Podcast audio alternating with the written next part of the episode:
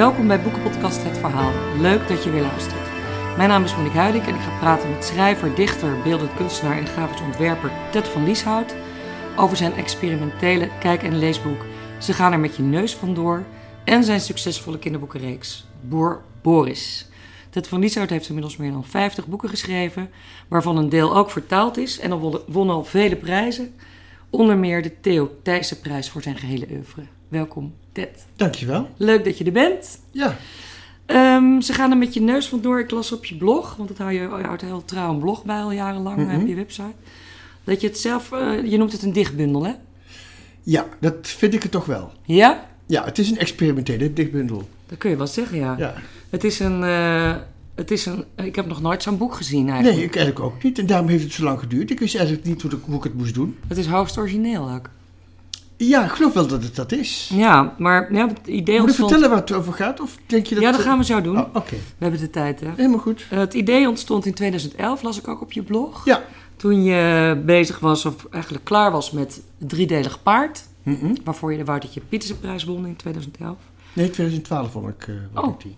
Ja, je, je wint de prijs altijd een jaar later, Later. dan waarin het boek verschijnt. Ja, tuurlijk, tuurlijk.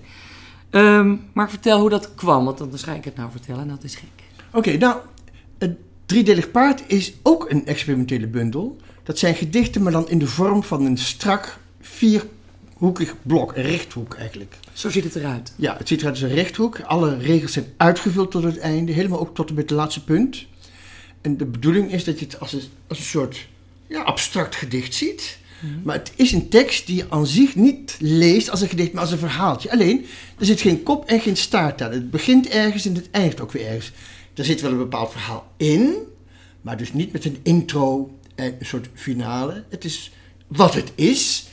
En omdat het allemaal min of meer absurde verhaaltjes zijn, gegoten in de vorm van een abstract, eigenlijk een geometrische vorm, eh, heb ik het poëzie genoemd.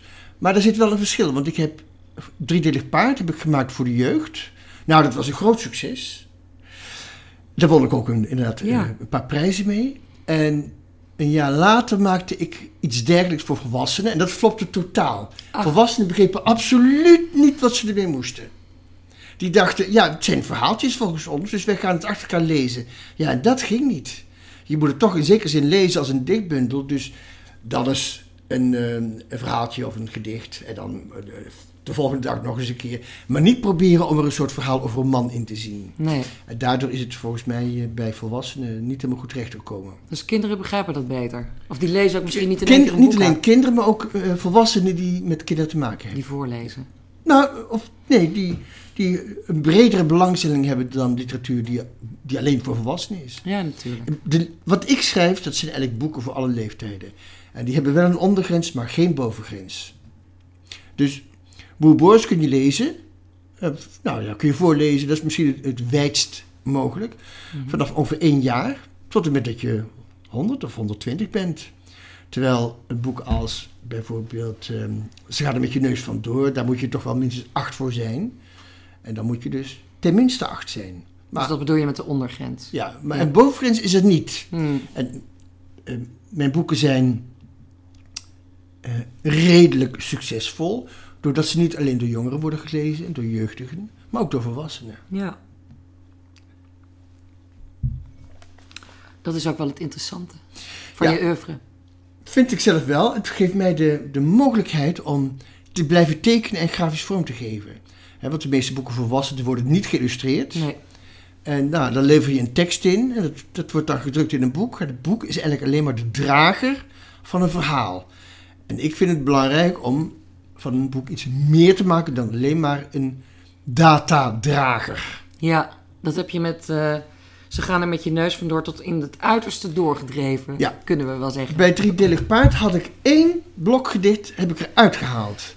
Want alle gedichten eh, in, in eh, het Driedelig Paard, die zijn staande rechthoeken. Maar ik had er eentje gemaakt, dat was een liggende rechthoek, verdeeld over twee pagina's. En de tekst die, die daarin stond, die was het daar niet mee eens. Die zei, waarom mag iedereen rechtop staan en moeten wij liggen? Ja. En het feit dat die tekst zelf protesteert tegen de vorm waarin de dichter het gegoten heeft, dat was voor mij een aanleiding om te denken, dit hoort eigenlijk ergens anders in thuis. Dit is een andersoortig blokgedicht, want zo noem ik ze, dan de andere. En ik dacht, hier zit een eigen boek in. Ja. Alleen, ik wist niet hoe ik dat moest aanpakken. Want elke keer als ik het probeerde, kwam er een soort meligheid in. En dat had ermee te maken met dat als je dat één keer leest, denk je, oh wat leuk, dat is, eh, dat is spannend, nieuw, leuk, origineel. Maar als je dat zes keer of twintig keer leest, denk je, ja, nou weet ik het wel. ja, dat is de truc. Precies, dus ik moest, ik moest een verhaal bedenken als het ware. Dat meer is dan een verhaal. Dat te maken heeft met het boek. Dat te maken heeft met de tekst die erin staat. Ehm, nou ja, dit heeft dus eh, ja, zeven jaar geduurd voordat ik ehm door had hoe ik dat moest doen. Ja. Maar je schrijft op je blog ook, je hebt er niet vol continu Nee, zeven jaar aan nee. gewerkt, maar iedere keer ging het even, moest het even weer weg, even Ja. uit, je hoofd. Dan wist ik het niet en dan eh, stop ik het weer weg. En op welk moment wist je het ineens wel? Want het begint met een, met een liefdesgedicht. Ja, dat is één van de versies. Ik heb verschillende versies gemaakt. Ehm, en dit was de versie waarbij dus de dichter na één gedicht in de bundel ermee ophoudt. Ja, vanwege liefdesverdriet. En zo begint het boek. De tekst van het boek is het daar niet mee eens dat hij ermee stopt. nee. De letters komen in opstand. De letters komen in opstand tegen het feit dat de dichter zich na één gedicht al gewonnen geeft. Ja, dat pikken ze gewoon Pikken ze gewoon niet. Dus ze proberen van alles uit om die dichter aan het werk te krijgen. En dat, eh nou ja, daar gaat het boek Even in. zeggen, het is in zwart, wit en rood opgemaakt. Dat Ja. is belangrijk. Ja, Het begint met eh, het eerste gedicht en dan ga ik vragen of je die zo even wat, dat gedicht zo even wat voorlezen. En dat is in zwart. Dat zijn zwarte letters. ja. Dat is even belangrijk om voor de luisteraar om te vertellen. En dat ja dit zo. is eigenlijk gewoon zoals eigenlijk elk regulier boek begint. Je slaat het open, er is een titel en het begint. En dat zijn doorgaans zwarte letters. Ja. En dit is het eerste gedicht. Er heeft vannacht een sneeuwman in de tuin gestaan. Een konijn kwam tevoorschijn en keek zo lief dat de sneeuwman ervan smolt. Hij boog zich voorover om het konijn teder te kussen en plotseling beet het beest hem in zijn neus. Het rende weg met in zijn bek de wortel die hij uit het gezicht van de sneeuwman getrokken had. De liefde. Je denkt dat er van je gehouden wordt, maar ze gaan er met je neus vandoor. En na dit gedicht houdt dus de dichter weer op en dan zie je twee lege bladzijden met onderaan heel licht, heel licht grijs. Dan zegt de tekst van het boek, ja en, hoe nu verder, dichter? We moeten door. En dan begint dus de tekst, die denkt, ja, waar blijft die dichter nou? Ja. Met zijn volgende gedicht, die begint zich te roeren. En dat doet hij dus uiteindelijk in zwarte letters.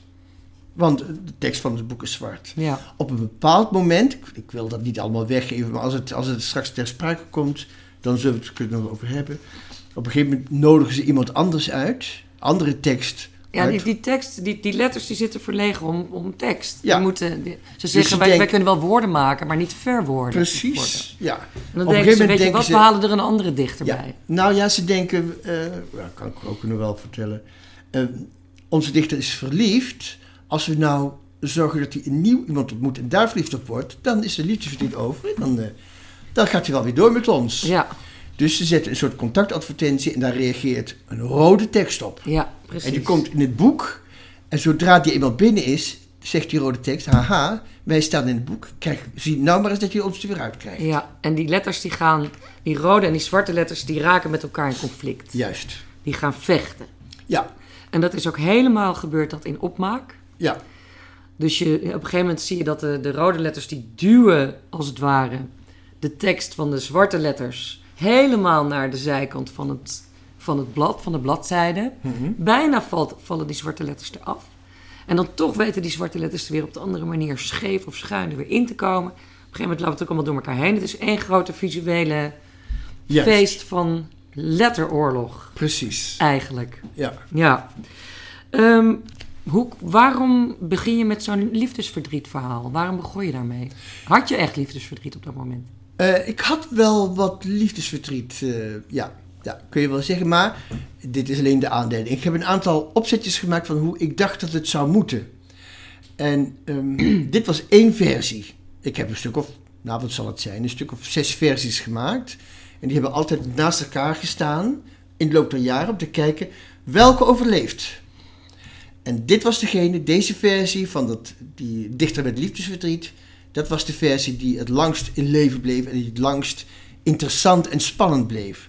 Ik heb ook veel abstractere oplossingen bedacht en ehm, andere verhaallijnen, maar dit was degene waarvan ik dacht: ehm, dit spreekt zowel kinderen als volwassenen aan.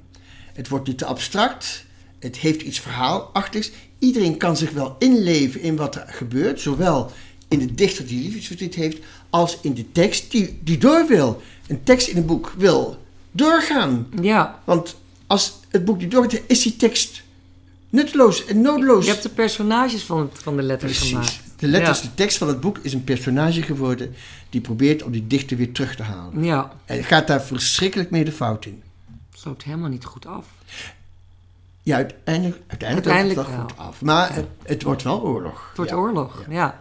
Had je ook die overgang, hè? Want je hebt, ik, weet niet, ik, ik weet niet of je ook het eind wilt, wilt vertellen. Eh, nou ja, ik heb al gezegd dat het goed afloopt. Het loopt goed af, maar hè, je, je geeft er een bepaalde wending aan. Ja. Ehm, Er wordt een link gelegd. Hè, Er ontstaat oorlog in dit boek. ja, En er wordt een link gelegd met de Eerste Wereldoorlog. ja, exact. Oké, Ja. dat kunnen we dan zeggen. Ja, dat kan je Hoe zeggen. kwam, jij, hoe kwam je op het idee om dat van het liefdesverdriet naar de Eerste Wereldoorlog te brengen? Dat is zoals elke bundel gaat. Eh, dat gedicht over die, dat liefdesverdriet over die sneeuwman had ik al. En ik ben op een gegeven moment naar Yper gegaan in eh, Zuid-België. Om daar die stad te bekijken. Ja, Eh, daar liggen ontzettend veel graven van. En die, graven, die gra- begraafplaatsen die heb ik bezocht eh, met een goede vriend.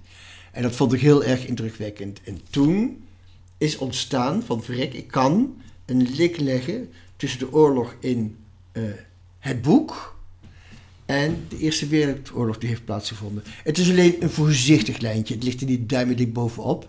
Maar het is een bestaand. Het is een, het is een laag in het boek, zou Ja. ik kunnen zeggen. Ja. En daar eindigt het ook mee.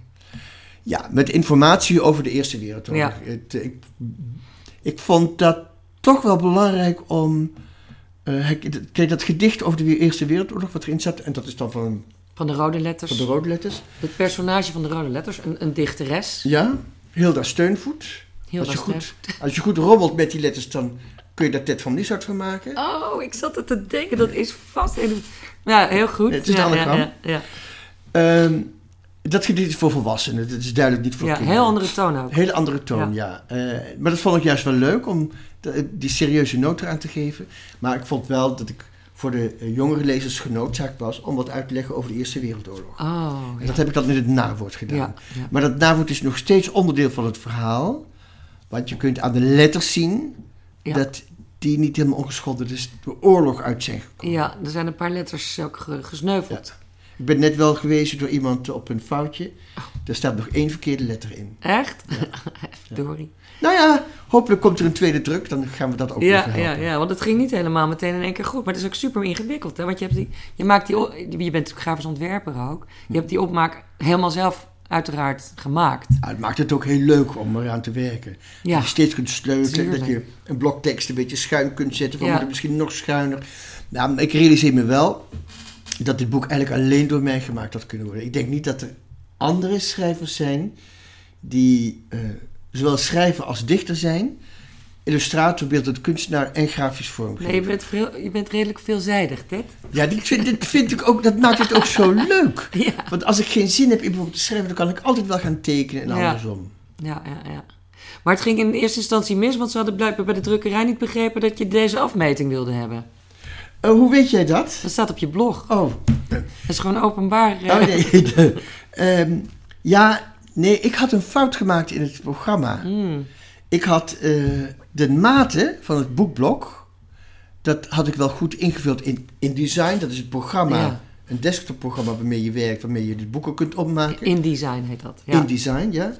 Eh, daar, had, daar waren de maten goed. Maar ergens in het programma zat een verschrijving op de een of andere manier, waardoor het boek ongeveer een kwart kleiner was dan bedoeld. Oh. Dus toen zei de druk, ja maar wacht eens even, dit boek is niet lekker fors, maar het is eigenlijk net zo groot als een gewone roman. En toen dacht ik, ja maar dat kan niet, want dan wordt het allemaal dringen, dus toen heb ik het hele boek opnieuw moeten, maken, moeten opmaken. Viel wel mee hoor, Ja. het, viel, eh, het viel uiteindelijk best mee. Oh. Maar goed, eh, het is ook wel het fijne, eh, ik doe eigenlijk alles zelf, dus Ja. ik kan ook meteen zeggen, ik, ga er het. vandaag voor zitten, we hoeven niet een week te wachten tot iemand anders de tijd heeft. Nee. Ik doe dat dan meteen. Ja, ja, ja, ja. Ja, heel goed. Ehm, eigenlijk, dat, dat het enorme originele eh, kenmerkt jouw werk ook. Je wil steeds eigenlijk iets anders maken, hè? Ja, Je herhaalt jezelf eh, het liefst niet. klopt. Ehm, steeds nieuwe vormen, maar ook, eh, ook zowel in taal als in vormgeving. Mhm. Ehm, maar Boer Boris, daar heb je er al tien van. En de elfde komt er al aan. En de elfde is onderweg. Ja, Je bent hier in 2011 mee begonnen ook, geloof ik? 2012. 12. ja. Dus dat is, eh, dat is voor mensen die, geen, die Boer Boris niet kennen. Boer Boris is een zeer succesvolle reeks eh, kinderboeken die eh, ook heel erg leuk zijn. Vormgegeven niet door jou. Nee, ja, andere- nee jawel, jawel, ze zijn wel vormgegeven. Oh nee, maar sorry, maar de tekeningen Nee, zijn de van tekening- Philip, Philip Ja, Hofman, nee. wou ik nog even noemen. Zal ik vertellen hoe, hoe dat is ja, gebeurd? doe dat. Philip heeft drie kinderen. En de oudste, die heet Boris. Toen hij vier was, zei hij, ik wil boer worden. En toen dacht Philip, boer Boris, dat is toch wel leuk. Daar zouden we een boek van moeten maken. Maar Philip kan niet schrijven. Dus hij zei het tegen mij. Toen zei ik, nou, ik zal eens nadenken of ik er iets mee kan. En ik had al gauw eh, een aardig idee voor een, kleuter van ongeveer vijf... die een eigen boerderij heeft. En hij, en hij moet geen ouders hebben...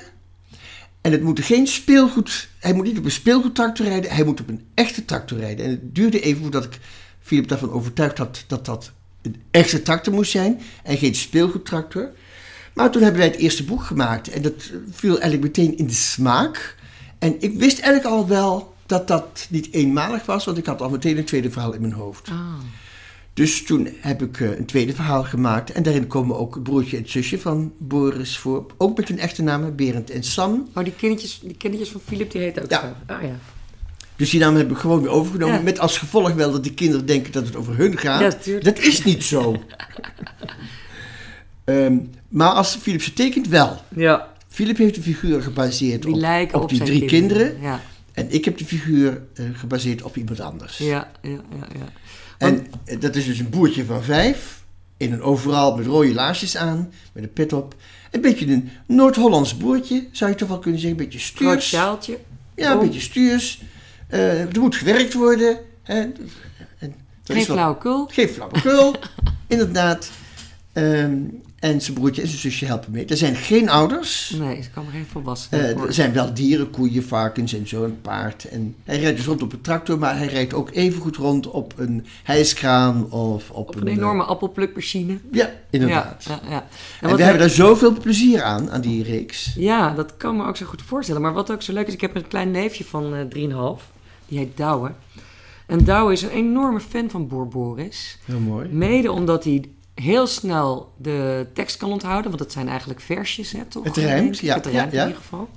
Maar ook omdat Boer Boris in verhouding net zo klein is als hij. Dus dat idee van jou van het moet een enorme tractor zijn... dat spreekt het kindje heel erg aan. Want Ja. hij is natuurlijk zo klein. Ja, Dus voor hem zijn alle dingen ook heel groot. En daar vindt hij het zo geweldig leuk.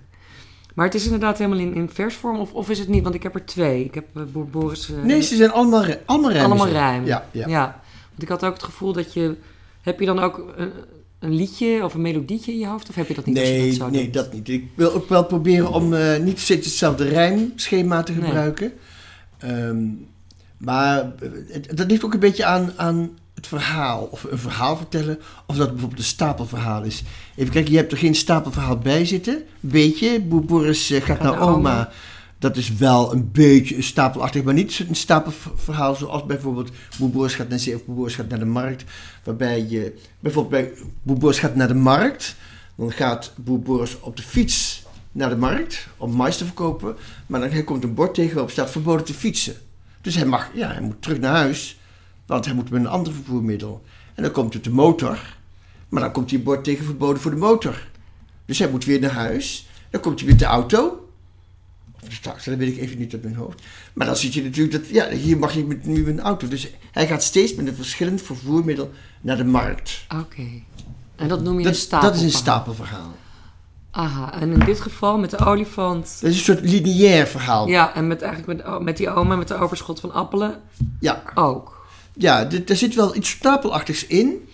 eh, maar dat heeft vooral eh, de bedoeling dat het ehm, het voorlezen makkelijker maakt en beter onthoudbaar. Je, er komt steeds iets, een klein stapje bovenop. Ja.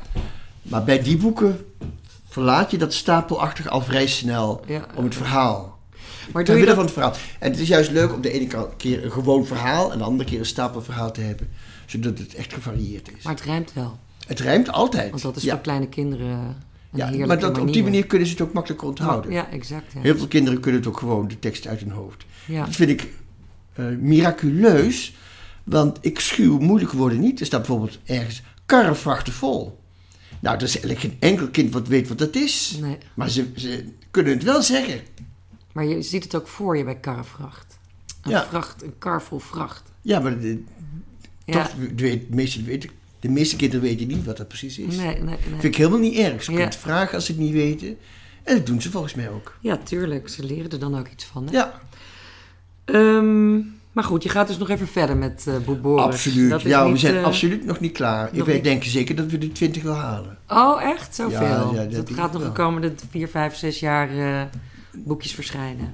Ja, nou, als het aan ons ligt en we blijven in leven, dan zeker. Ja, Ja, maar het verkoopt vinden- ook ontzettend goed, hè? Het verkoopt Ik heel erg goed. eh, We hebben- 100.000 exemplaren van de olifant. Hoeveel zeg jij? 100.000. Nou, je zit wel een beetje laag. 200.000. Je zit nog een beetje laag. Echt? 250.000. Dat is echt een fenomenale bestseller. Nou ja, ja, we zijn ook wel tien delen, hè? Ja, oh ja, van alle, van alle delen. Van alle Oh, delen. Nee, niet per dacht, deel. Nee, ik dacht, nee, nee, de nee. olifant. eh. Nee, nee, nee, nee. eh, allemaal, van alle Ja. delen zijn ongeveer in totaal 250.000. Ah, Daar zijn we natuurlijk wel super blij mee. Ja, nou, heerlijk zeg. Ehm, even, even naar je andere werk ook nog. Ehm, een aantal thema's komt daar geregeld in je werk terug. Eh, wat, ook wat, wat zwaardere thema's. Zeker. Zoals dood. Ja. Mensen die er niet bij horen.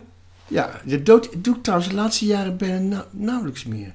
Hoewel, ja, er gaat wel een oma dood in. nou, eh, hier staat ook allemaal dood in. oh ja, dat is Er waar. zijn zelfs ja, twee letters je, je hebt gesneuveld. gelijk. Ja, je hebt gelijk. Eh, maar ook tegenstrijdige gevoelens rond eh, opgroeien. Ja. speelt een rol in je werk. Zoeken naar geborgenheid en hou vast. Mhm. En naar een eigen plek. Ja. Heb ik allemaal opgeschreven, deze, deze thema's. En ehm, je laat het ook vanuit, vaak vanuit andere perspectieven zien. eh, soms ook vanuit dieren, in dit geval zelfs vanuit letters. Ehm, maar je hebt ook bijvoorbeeld een, roman, een paar romans voor volwassenen geschreven... Zeker. over een thematiek die zwaar in de taboesfeer ligt. Dat vond ik heel erg interessant. Absoluut. Namelijk, eh, dat is ook nog autobiografisch... Eh, Mijn meneer en Schuldig Kid, bijvoorbeeld, die twee romans, die gaan over, over een relatie van een jongen Ja. van 12 met een oudere man. En die jongen ben jij. Ja. Je hebt dat zelf meegemaakt. Klopt. Waarom wilde je dat eh, opschrijven? Ik heb er eigenlijk al drie boeken over gemaakt. Ja, ook nog een eerdere. Ja, in, in 1999... eh, Zeer kleine liefde. Zeer Kleine Liefde, klopt. Ja. Dat zijn een soort gedichten met eh, brieven. Dat wilde ik... ehm, eigenlijk was dat, had het te maken met het, het, de nieuwe eeuw. Ik dacht, ik wil dat achter me laten in de oude eeuw. Ik wil als het ware vers de 21ste eeuw in. Dus ik heb die bundel geschreven, omdat me Ja. dat eh, nou niet zozeer dwars zat. Maar ik dacht, het is toch wel belangrijk om die ervaring op te schrijven. Als je het talent hebt om verhalen en gedichten te formuleren, dan moet je ook, vind ik, schrijven over wat er echt toe doet. En in mijn leven, maar ook in dat van heel veel anderen, doet zoiets natuurlijk er heel erg Ja, toe. Dus ik, me eh, ik had brieven gekregen van mijn pedofiel, zal ik maar zeggen, en dan mijn tussen aanhalingstekens. Oh, die heeft hij, hij heeft je ook nog brieven geschreven. Hij heeft mij brief waarin hij om vergeving vroeg. Oh ja. Destijds of op, toen je ouder was? Nee, niet destijds, eh, ongeveer in het begin jaren negentig. Oh ja. Toen was je al lang volwassen. Toen was ik al lang volwassen, ja. ja, ja, Maar ik raakte wat bekender en ik geloof dat hij toen bang was dat ik op een gegeven moment iets over zou gaan zeggen. En hij dacht, laat ik zelf nou maar over de brug komen voordat eh, ik Voordat daarmee ik aan de schandpaal wordt genageld. Ja, Ja. eh, maar ik heb totaal nooit de behoefte gehad om hem aan de schandpaal te nagelen. Het was een heel lieve man. Ik vind wel wat hij deed dat dat verkeerd was. Had het niet moeten doen. Maar het is nou niet zo dat ik vind dat dat mij het recht geeft om zijn leven te verwoesten. Dus dat vind ik ook helemaal niet nodig. Bovendien, dat zou ik kunnen doen, maar dan verwoest ik ook mijn eigen leven. Dat je, als, je, nou, als je iemand zoiets aandoet, het eigenlijk niet nodig is, dan denk ik dat je met een enorm schuldgevoel kunt blijven zitten. Ik geloof helemaal niet zo in wraakgevoelens, van dat je daar voldoening aan beleeft. Nee. Maar ik denk dat je daar het, het, het enkele feit dat je weet dat het niet nodig was om iemands leven te verwoesten. En je doet het toch, dat kan, dat moet iets met jou doen. En dat, had ik geen zin in, dat wilde ik niet. Maar heeft hij jouw leven niet verwoest? Wel, nee. Nee, hij, mis- misschien heeft hij dat wel gedaan. Maar in ieders leven gebeuren dingen die, die je beschadigen. Eh, en eigenlijk iedereen probeert dan toch het nodig van te maken. Kijk, eh, zo'n beschadiging is misschien mentaal. Maar je kan ook je been verliezen bijvoorbeeld. En dan, eh, eh, diegene die zijn been verliest, gaat toch ook niet zeggen van... ja, mijn leven is nu kapot gemaakt hè, door die man die me heeft aangereden. Mijn leven heeft geen zin meer. Nee, je pakt je been bij wijze van spreken op. Je stopt het ergens weg. Ja. En je probeert er een gelukkig leven van te maken. En dat moet je ook doen als je geestelijk of mentaal bent beschadigd. Als je het Dan kunt. moet je kijken, Als je ja, het kunt. wat kan ik hiervan maken? En voor de meesten eh, is er dan echt nog wel een gelukkig leven mogelijk. Dus ik vond het niet nodig om een wraak te zoeken, maar ik vond het wel belangrijk om daarover te schrijven, omdat die discussie erover, eh, die ging zo ongenuanceerd worden. Hè, dat was eigenlijk in de tijd van Dutroux, in de latere 60, eh, nee, 90 jaren, 1996 was het volgens mij, dat er een omslag kwam in het denken over eh, pedofilie en pedoseksualiteit. En ik maak heel duidelijk een onderscheid tussen pedofilie en pedoseksualiteit. Pedofielen hebben bij zichzelf gemerkt dat ze gevoelens hebben voor kinderen, maar doen daar niet per se iets mee. Pedoseksuelen streven dat seksueel contact met kinderen ook werkelijk na. Ja, filie is houden van een seksueel... Nou, ja, nou ja, verschil in, in terminologie. Wij denken dat elke pedofiel, Ook seksueel... eh, ja, en waar. als het die nu is, dan ooit wel, maar in ieder geval dat hij dat aan een kind gaat zitten. En dat is helemaal niet Dat waar. niet zo, nee. De meeste pedofielen vinden het zelf ook helemaal niet leuk dat ze dat zijn. En proberen daar wel een plaats voor te geven, maar niet per se in het hebben van seks met kinderen. Ja, is waar. Ehm, en, en ik dacht, als ik nou in die discussie die geen enkele nuance meer heb, probeer om mijn verhaal te vertellen, want dat kan ik, ik kan mijn verhaal vertellen, dan geef ik in ieder geval een nuance in de discussie erover. Dat is tot op zekere hoogte ook wel gelukt. Natuurlijk kun je de publieke opinie niet zodanig veranderen dat iedereen er verlicht over gaat denken. Maar het is wel zo dat heel veel mensen er toch in zekere zin troost uit hebben geput. Niet alleen eh, slachtoffers die ehm, ehm, serieus genomen werden door mijn boek in zekere zin. Maar ook andere slachtoffers die er nooit een probleem van hebben gemaakt, die er eh, hel in zagen. En ook heel veel pedo's, en dan laat ik in het midden of dat file waren of seksuele, die ehm, zich gesteund voelden in de rug. Daar was ik niet zo heel blij mee, in die zin dat eh, sommige pedoseksuelen in mij een bondgenoot zagen. Aha. En dat was ik niet. Dat ben ik niet. Ik ben tegen seks met kinderen. Ja. Maar ik vind wel dat als het gebeurt, je daar wel iets mee zult moeten. Je kunt niet zeggen, oh nou het is gebeurd, laten we er verder maar niet meer over praten. Hè? We stoppen het weg, dan is het net niet gebeurd. Je moet daar wel iets mee. Als kind. Als kind, maar ook als volwassene. als bijvoorbeeld ouder, hè, aan je kind overkomt zoiets, dan zul je er echt wel iets mee moeten. Ja. Je kunt het niet zomaar op zijn beloop laten. Want ik heb, de, ik heb die documentaire gezien die naar aanleiding van mijn meneer gemaakt is. Mhm. En eh, je neemt eigenlijk ook wel een beetje voor hem op, hè? Voor, die, voor die oudere man. Of je wil hem eigenlijk een beetje beschermen. Nou ja, ehm, zeker in mijn latere... Ik, ben, ik heb mezelf verlaten, dat is natuurlijk een voordeel. Hoe lang heeft die relatie geduurd? Een jaar of drie ongeveer. Oh, nog zo lang. Ja, in het boek heb ik, eh, is het maar een zomer, maar Ja. je maakt van zoiets een verhaal dat een beetje... Ja, Ja. wat, dat Van je twaalfde tot je vijftiende. Nee, nee, nee. Het- begon wel eerder. Het, eindigt op mijn dertien Oké. ongeveer. Dus 10, 13. Zoiets. Ja. Maar wat doet het met het kind, met een kind als, die, als er zo'n soort liefde veel te vroeg in het leven Nou ja, komt? ik Kan ervoer dat wel als een, als een bepaald soort liefde. En zeker toen ik weggegaan was en ik daar ook wel spijt van had. Want hij was wel te ver gegaan, maar hij had mij eigenlijk nooit kwaad berokkend. hij had me alleen wel opgezet met problemen waar ik gewoon geen kant meer op kon. Ja. Maar goed, in mijn latere jeugd heb ik daar eigenlijk als het ware liefdesgevoelens uitgedistilleerd. Van, nou, dan had ik toch eigenlijk eh, een man waar ik toch eigenlijk misschien wel verliefd op was. En nou is dat voorbij. En ik, heb, ik ben daar gewoon nooit rancuneus over geweest. Ehm, ik heb daar toch ook wel goede herinneringen aan. Het was ook, ook wel heel fijn dat ik eh, die warme aandacht kreeg. Ik kreeg ook wel aandacht van mijn moeder, maar die moest ik delen met broertjes en zusjes. Even zeggen dat je vader heel, eh, Die is op mijn zevende, zevende toen je overleden. nog heel jong was Ja, overleden ja. Dus je, die mannenfiguur, Die viel vrij snel in je leven Ja, weg. maar mijn moeder was een hele mooie vrouw, dus die had aan de lopende band vriendjes en die moest ik nou juist niet. Nee, maar dat is, je gaat wel geen vervanger voor je vader. Nee, nee, nee. Er was wel. Nou, nee, eigenlijk hadden de meesten wel door dat ze niet zich als vervanger van mijn vader moesten opstellen. Dat hebben ze eigenlijk ook niet. Dat zullen je andere broers en zussen ook wel niet eh, zo leuk hebben gevonden. Eh, eigenlijk weet ik dat niet precies. We hebben het er eigenlijk nooit echt over gehad. Het was iets wat gewoon gebeurde en Ja. we waren alle, alle vier jong. Eh, Mijn, mijn zus was negen, was net negen en mijn jongste broertje was vier. Ja, als zoiets gebeurt dan, dan overkomt je dat en je gaat verder vanaf dat moment. Maar je, en je bent ook te jong om te beseffen wat rouwen is. Maar het heeft natuurlijk een impact Ja, op je leven en een, en een, Ja, denk ik, een grote ook- slag voor het vertrouwen. Dat mensen, dat je ouders er altijd zullen zijn. Ja, Dat ik is had dus wel heel duidelijk angst dat mijn moeder zou komen te overlijden. Dus ik heb wel stiekem en in stilte plannen gemaakt van wat als, zou moeten gebeuren als mijn moeder ook doodging. Want ik was wel bang dat ik dan naar een weeshuis zou moeten. Dus ik heb een tante uitgekozen waarvan ik dacht, nou daar wil ik dan wel gaan wonen. En mijzelf als het ware mentaal erop voorbereid dat als het zover zou komen, dat ik goed zou zeggen dat ik dat wilde. Hè, dat ze mij niet zomaar naar een weeshuis zouden brengen. Ach jee, die kleine Ted. Nou ja, maar dat, ik, Hij heeft wel een oplossing gezocht, de kleine Ted. Ik, ja, ik, ik zocht wel overal op. maar ik vind het wel heel verdrietig ook. Dat is toch heel... Dan ben je echt bang geweest Ehm, als klein jongetje. nou, ik, ik was bezorgd, maar mijn moeder had, denk ik, dat misschien wel in de, va- in de gaten. En die zei regelmatig, ik ga niet dood. Oh, mooi. Ja, Ze leeft nee, nog ook, toch? Ja, ze is nu 86. Ja, ja, ja. Maar ze werd, ik, ik heb ook wel bewondering voor.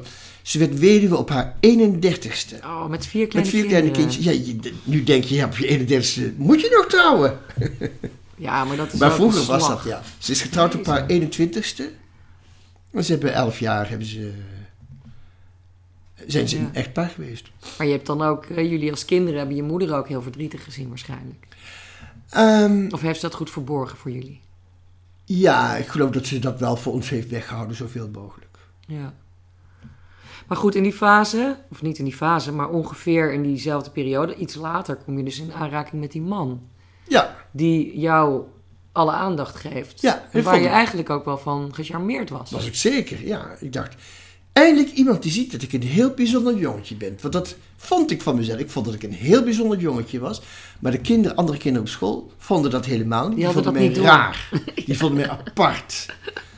En deze man, die zag, die erkende als het ware dat ik wel degelijk bijzonder was. Dus ik vond dat fijn. Ja, je voelde je erkend inderdaad. Juist. Gezien. Ja, dus ik ben daar, ik ben er ook helemaal niet boos over. Ik, ik vond dat, dat hij dat heel goed gezien heeft. En he- he- wat heeft hij jou gegeven? Ehm, dat is een goede vraag. Wat heeft hij mij gegeven? Nou, dan moet ik even het antwoord op schuldig blijven. Dat weet ik eigenlijk niet. Ehm, Ik had de indruk dat hij, dat hij, je- hij liet je toch ook tekenen en zo? ja, maar eh, ik, daar was ik wel vrij zelfbewust over. Oké. Ik, heb, ehm, ik was wel heel onzeker op de een of andere manier. Maar niet in die zin dat ik me eronder wil laten krijgen. Ik, ik, ik heb heel vroeg al ehm, het slachtofferschap, zal ik maar zeggen, af van de hand gewezen.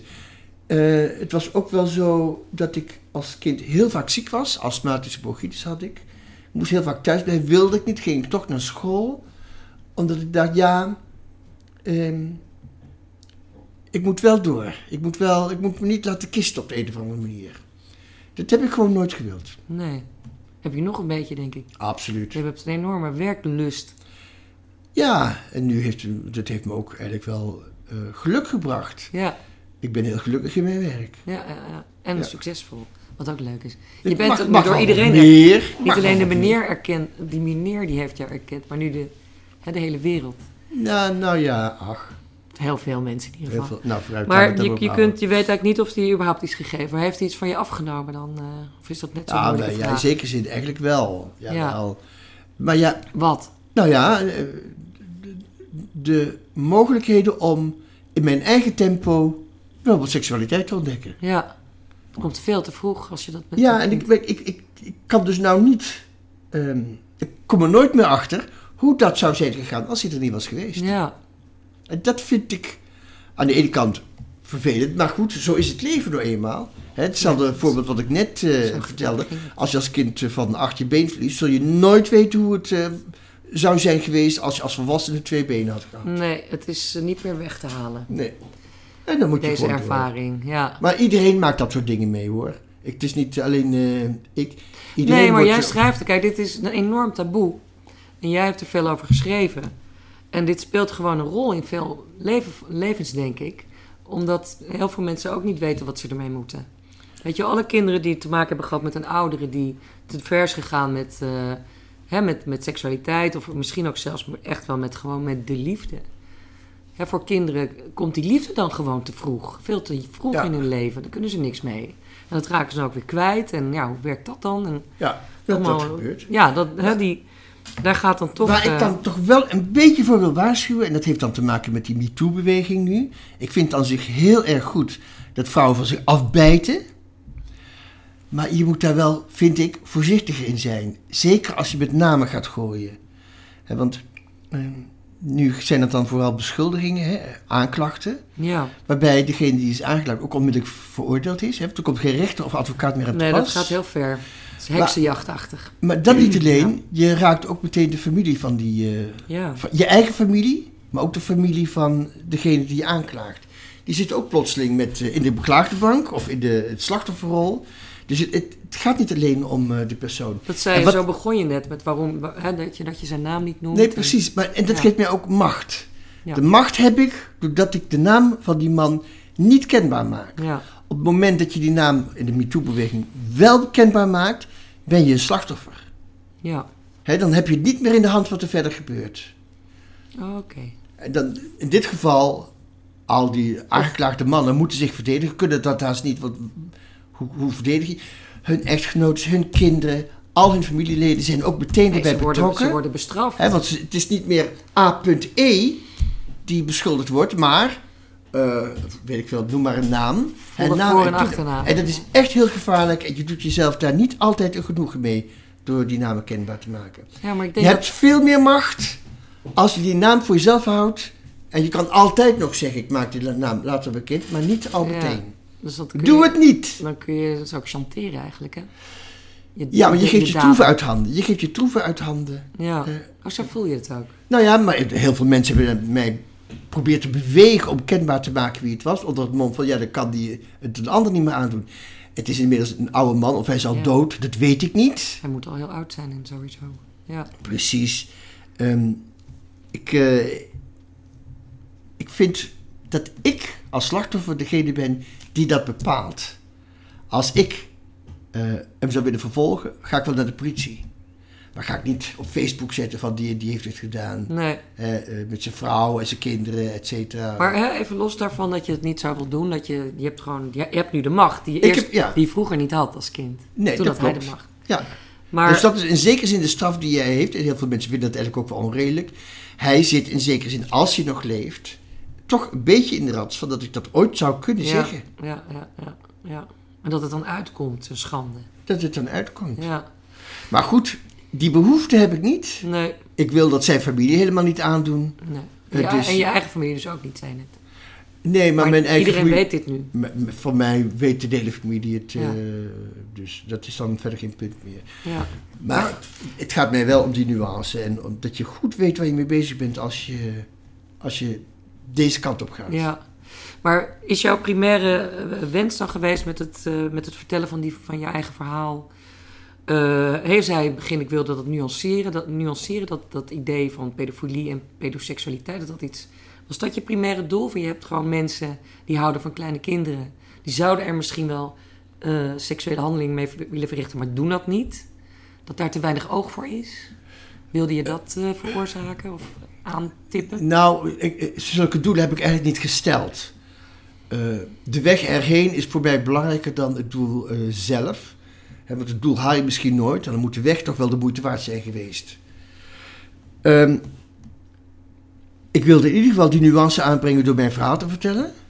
Als een soort, bijna als een soort verplichting die je hebt eh, ten opzichte van de maatschappij. En tegelijkertijd wilde ik ook wel die nuance aanbrengen om te laten zien dat ehm, wij kennen geen enkele pedofiel eigenlijk. Ehm, ze worden allemaal, voor zover ze bekend zijn, naar de rand van de samenleving gedrongen in de hoop dat ze ervan afspringen. Ja. En niemand kent pedo's eh, bij naam eigenlijk, want die komen niet naar buiten. En ik vind dat het eigenlijk wel zou moeten zijn dat als er pedo's zijn, dat ze zichzelf bekend zouden moeten kunnen maken, zonder dat ze gevaar lopen. Maar wel dat je kunt, kunt zeggen tegen je kind, nou, die meneer die houdt echt van kinderen. Als je daar geen zin in hebt, zou ik daar in een boog omheen lopen. ja. Dat je kinderen wel weerbaar maakt. Nu is het zo 70 dat wel, hè? Ja, maar dat was anders. Toen was daar veel meer be- eh, begrip voor. Ja. Ehm, en vond men ook van de kinderen hebben misschien wel behoefte aan die begeleiding in hun seksuele ontwikkeling. Nou, daar is tegenwoordig niemand voor te porren, dus laat maar. Daar moet je ook niet op. eh, Nee, dat is helemaal weg. Maar het moet wel zo zijn dat eh, mensen die ehm, pedofiele gedachten hebben, dat die bestaansrecht hebben. Dat die eigenlijk er gewoon voor uit zouden moeten kunnen komen. Ik heb die gevoelens en eigenlijk wil ik ook wel dat mensen dat weten. Ehm, dat ik daar niks mee doe, is mijn, mijn eigen keuze. En ik vind dat ik gerespecteerd zou moeten worden voor het feit dat ik gewoon een mens ben. Ja. Nou, voorlopig kan dat niet. En dat is gevaarlijk, want mensen die je niet kent, die kun je makkelijk haten. En zo werkt het ook. Zoals ik al zei, niemand kent pedo's, dus iedereen haat ze. Maar op het moment dat pedo's zich kenbaar maken en laten zien dat het gewone mensen zijn met een gewoon gezicht, eh, dat ze de zoon zijn van een moeder, van een vader, dat ze zus hebben en broers, dat ze families hebben, dan wordt zo iemand moeilijker om te haten. En misschien krijgen ze dan een beetje begrip. En wil niet mee zeggen dat ze dan begrip moeten krijgen voor het feit dat ze misschien met kinderen naar bed willen gaan. Dat ze toch pedoseksuele neigingen hebben. Ja. Maar het is wel belangrijk dat die mensen bestaansrecht hebben. Ja. En dat ze niet, nou ja, zich altijd moeten verstoppen. Worden ze daardoor, denk je, ook eh, wat dat betreft meer naar de daderkant eh, gedreven? Nou, dat zou ik eigenlijk niet weten. Ik zou nou kunnen zeggen dat ik daar verstand van heb, maar dat verstand heb ik er niet van. nee. Maar het is, het is gewoon een gevoel dat je hebt. Je Ja. zou ze eigenlijk niet zo eh, moeten opjagen. Nou ja, het is ook zo. ehm, het is nu deze groep. De volgende, volgende week kan het een andere groep zijn. Ja. Die in de anonimiteit wordt gedrongen. Bijvoorbeeld, die, die, er is een pedofiele vereniging Martijn. Die is verboden door de rechter. Eh, maar toen ze nog zichtbaar waren, kon je ze tenminste nog in de gaten houden. Nu kan dat absoluut. Je weet niet waar ze gebleven zitten. Of ze ondergrond zitten. Dat weten we allemaal niet. En dit Nee. is natuurlijk eigenlijk een verslechtering van de omstandigheden. Eigenlijk gevaarlijker voor kinderen. In plaats van ongevaarlijk. Nou ja, ik, ik, ja, misschien wel. Potentieel in ieder geval wel. Ja, ja. Even een beetje al, eh, naar de, naar, we gaan wel een beetje afronden. Het is eh, Kinderboekenweek. Ja. Eh, we nemen dit op op 29 september 2018, dit gesprek. Volgende week begint de Kinderboekenweek. Mhm. En ik las dat jij ook een pleidooi hebt gehouden voor leesplicht Ja, onlangs. ja, klopt. Vertel. Dat was een, eh, kort. een artikel in de NRC. Ik vind eigenlijk dat er een leesplicht moet worden ingevoerd. Eh, dus niet alleen een leerplicht, maar ook een leesplicht. En dat heeft ermee te maken met dat kinderen eigenlijk steeds slechter lezen. Met als gevolg dat steeds meer volwassenen eh, min of meer neigen naar analfabeet zijn. En dat heeft ermee te maken met dat ze ophouden met lezen, zodra het niet meer hoeft. En dan verleer je het ook. Oh ja. Je boodschappenlijstje kan je nog wel lezen misschien, maar heel veel artikelen en eh, belangrijke brieven niet meer. Of wat moeilijker teksten. Precies, en dat betekent wel dat als je niet goed kunt lezen en schrijven, dat je niet zelfstandig door het leven kunt. Want er zijn allerlei beslissingen die je moet maken, bijvoorbeeld op basis van brieven die je van de overheid krijgt of van de Belastingdienst. Die moet je kunnen lezen. En als je dat niet kunt, heb je altijd iemand anders nodig die je daarbij helpt. Ja.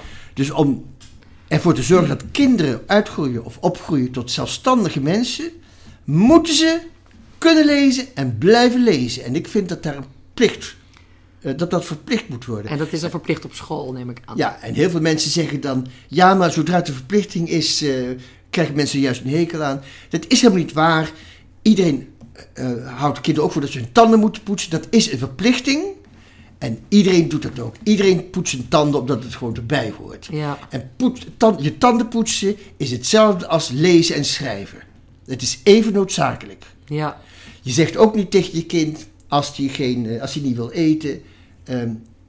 van oké, dan hoef je niet meer te eten.